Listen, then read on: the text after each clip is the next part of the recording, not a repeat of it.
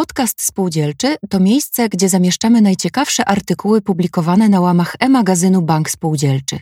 Zapraszamy do słuchania i czytania. Czym jest inkluzywność i co ma wspólnego z feminatywami? O tym, dlaczego wszystko, co pozornie trudne, staje się proste i dlaczego warto używać języka inkluzywnego, możecie posłuchać w naszym artykule. Zwłaszcza teraz, gdy tak dużo mówimy o tolerancji, równouprawnieniu i solidarności. Dlaczego język włączający jest tak ważny w codziennej komunikacji? Posłuchajcie podcastu Język jest dla wszystkich. Kilka słów o inkluzywności. Materiał został opublikowany w czwartym numerze magazynu Bank Spółdzielczy z grudnia 2022 roku i udostępniony na stronie sgb.pl. Czyta Katarzyna Miller. Język jest dla wszystkich. Kilka słów o inkluzywności.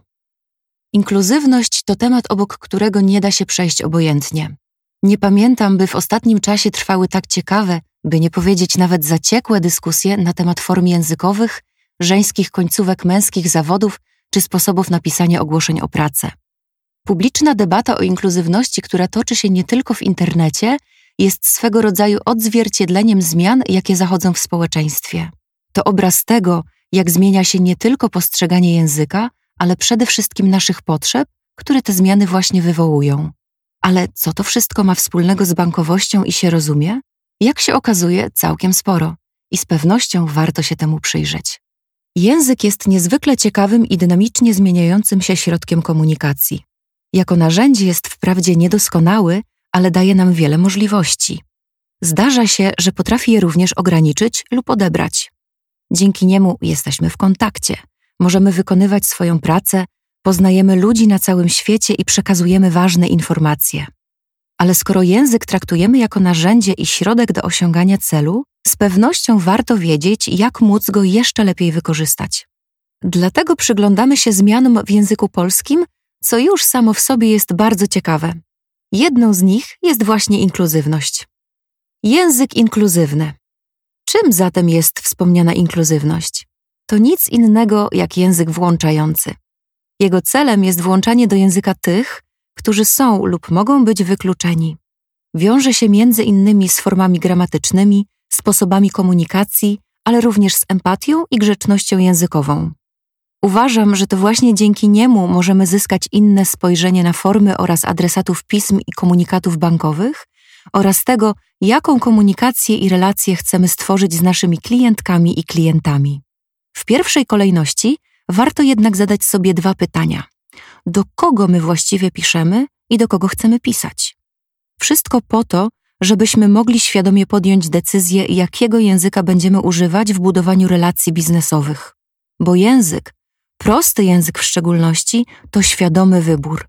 Dzięki niemu bez zbędnych zawiłości dotrzemy do osób, które są i będą naszymi klientami i klientkami. Cztery filary. Na początek przyjrzyjmy się więc najważniejszym cechom języka, który uwzględnia różnych odbiorców. Po pierwsze, język inkluzywny nie wyklucza, a włącza. Trzeba przy okazji dodać, że włącza, lecz nie na siłę. Sprawia, że każda osoba czuje się ważna i zauważona. Przykładem są właśnie feminatywy, czyli żeńskie formy gramatyczne nazw zawodów lub funkcji. Włączając do komunikacji kobiety, których obecność bardzo mocno ograniczał język stosowany przez władze komunistyczne, śmiało możemy stosować zwroty takie jak dyrektorka, prezeska czy specjalistka, na równi z dobrze znanymi nauczycielka, pielęgniarka czy asystentka. Po drugie, język inkluzywny daje możliwości i wyrównuje szanse. To punkt, który mocno wiąże się z poprzednim. Zgadzam się ze stwierdzeniem Mateusza Adamczyka, przy okazji serdecznie polecam tego językoznawcę, że język inkluzywny daje możliwość pełniejszego uczestnictwa w życiu społecznym. Wyrównywanie szans to choćby język przyjazny kobietom i mniejszościom, na przykład religijnym, LGBTQ, czy osobom z niepełnosprawnościami. Po trzecie, język inkluzywny podkreśla różnorodność. Płynie z tego wiele korzyści, wszak różnimy się od siebie i to jest piękne. Warto pokazać to w sposobie naszej komunikacji. Nie bez powodu coraz więcej firm zwraca uwagę nie tylko na to jak, ale również do kogo piszemy. Dlatego właśnie w ogłoszeniach o pracę pojawia się coraz więcej żeńskich nazw stanowisk. Potwierdza to badanie Język ofert pracy, które w 2021 roku portal Pracuj.pl przeprowadził we współpracy z Fundacją Sukcesu Pisanego Szminką. Wzięło w nim udział blisko 18 tysięcy respondentek. Wyniki mówią jasno. 8 na 10 kobiet chce, by feminatywy były uwzględniane przez pracodawców. Ich zdaniem stanowiska takie jak przykład prawniczka, psycholożka, ekspertka czy programistka powinny być używane na równi z męskimi odpowiednikami tych zawodów. Po czwarte, język inkluzywny jest wolny od szkodliwych stereotypów. Wiemy, że trudno ich uniknąć, ale im jest ich mniej, tym lepiej.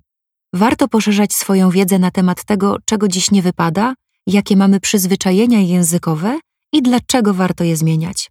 Język neutralny lub taki, który nie podkreśla bierności lub braków osoby, przykład inwalida, ułomny, kaleki, to jedno z narzędzi do walki ze stereotypami.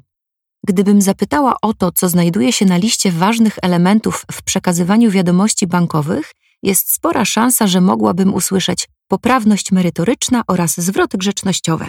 Mam wrażenie, że cel, jakim jest przekazanie ważnej wiadomości lub pisma, widzimy czasem jak światełko w tunelu.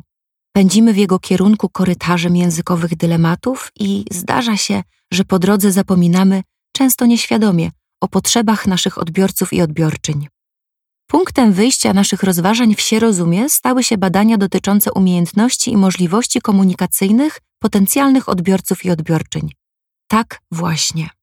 Chodzi między innymi o osoby, które zostały dotknięte analfabetyzmem wtórnym i mają trudności ze zrozumieniem prostych tekstów pisanych. Nie rozumieją sensu i związków logicznych w tekstach i mają bardzo mały zasób podstawowych pojęć.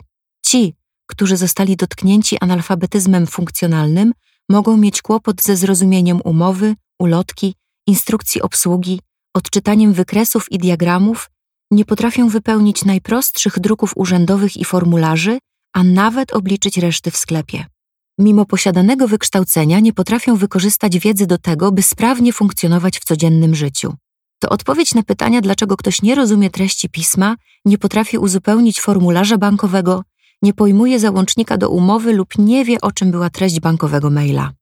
Prosty język i język inkluzywny są tutaj doskonałym narzędziem do tego, byśmy tworząc komunikaty, umowy, pisma czy nawet krótkie wiadomości na strony internetowe unikali skomplikowanych sformułowań, których przyswojenie może nastręczać trudności. Jeśli za punkt wyjścia weźmiemy zrozumienie i różnorodność potrzeb naszych klientek i klientów, jesteśmy na wygranej pozycji. Do kogo chcemy pisać? Z odpowiedzią na to pytanie nie miałam większych trudności. Jestem przekonana, że chcemy pisać do każdego człowieka. Pomyślmy zatem, kto jest głównym bohaterem pism bankowych. Czy statystyczna Anna Kowalska jest specjalistą? Czy w naszych ogłoszeniach o pracę faktycznie chcemy szukać tylko analityków kredytowych czy asystentek zarządu?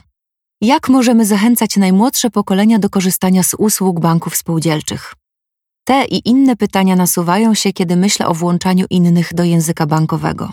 Świat bowiem stawia przed nami wiele wyzwań, nie tylko technologicznych, ale również komunikacyjnych, co doskonale pokazała nam pandemia koronawirusa. I tak jak z jednej strony wiele kwestii w języku wynika z naszych przyzwyczajeń, z drugiej natomiast widzimy, jak chętnie wprowadzamy do niego nowe zwroty i słowa. Pantarei. Język również się zmienia, bo zmienia się społeczeństwo. Dla kogoś, kto nigdy wcześniej nie słyszał o doktorce czy naukowczyni, to może nie brzmieć ładnie. I to jest w porządku. Choć warto pamiętać, że feminatywy to nie jest wynalazek języka polskiego ostatniej dekady. Przed wojną swobodnie się nimi posługiwaliśmy. Prosty i inkluzywny język może być doskonałym sposobem, by pokazać świat bankowości spółdzielczej, otwartej, lokalnej i zaangażowanej, spółdzielczości, która jest blisko swoich klientek i klientów. Dobrze dbać o siebie nawzajem. Włączajmy więc wszystkich obecnych i przyszłych klientów i klientki banków spółdzielczych SGB.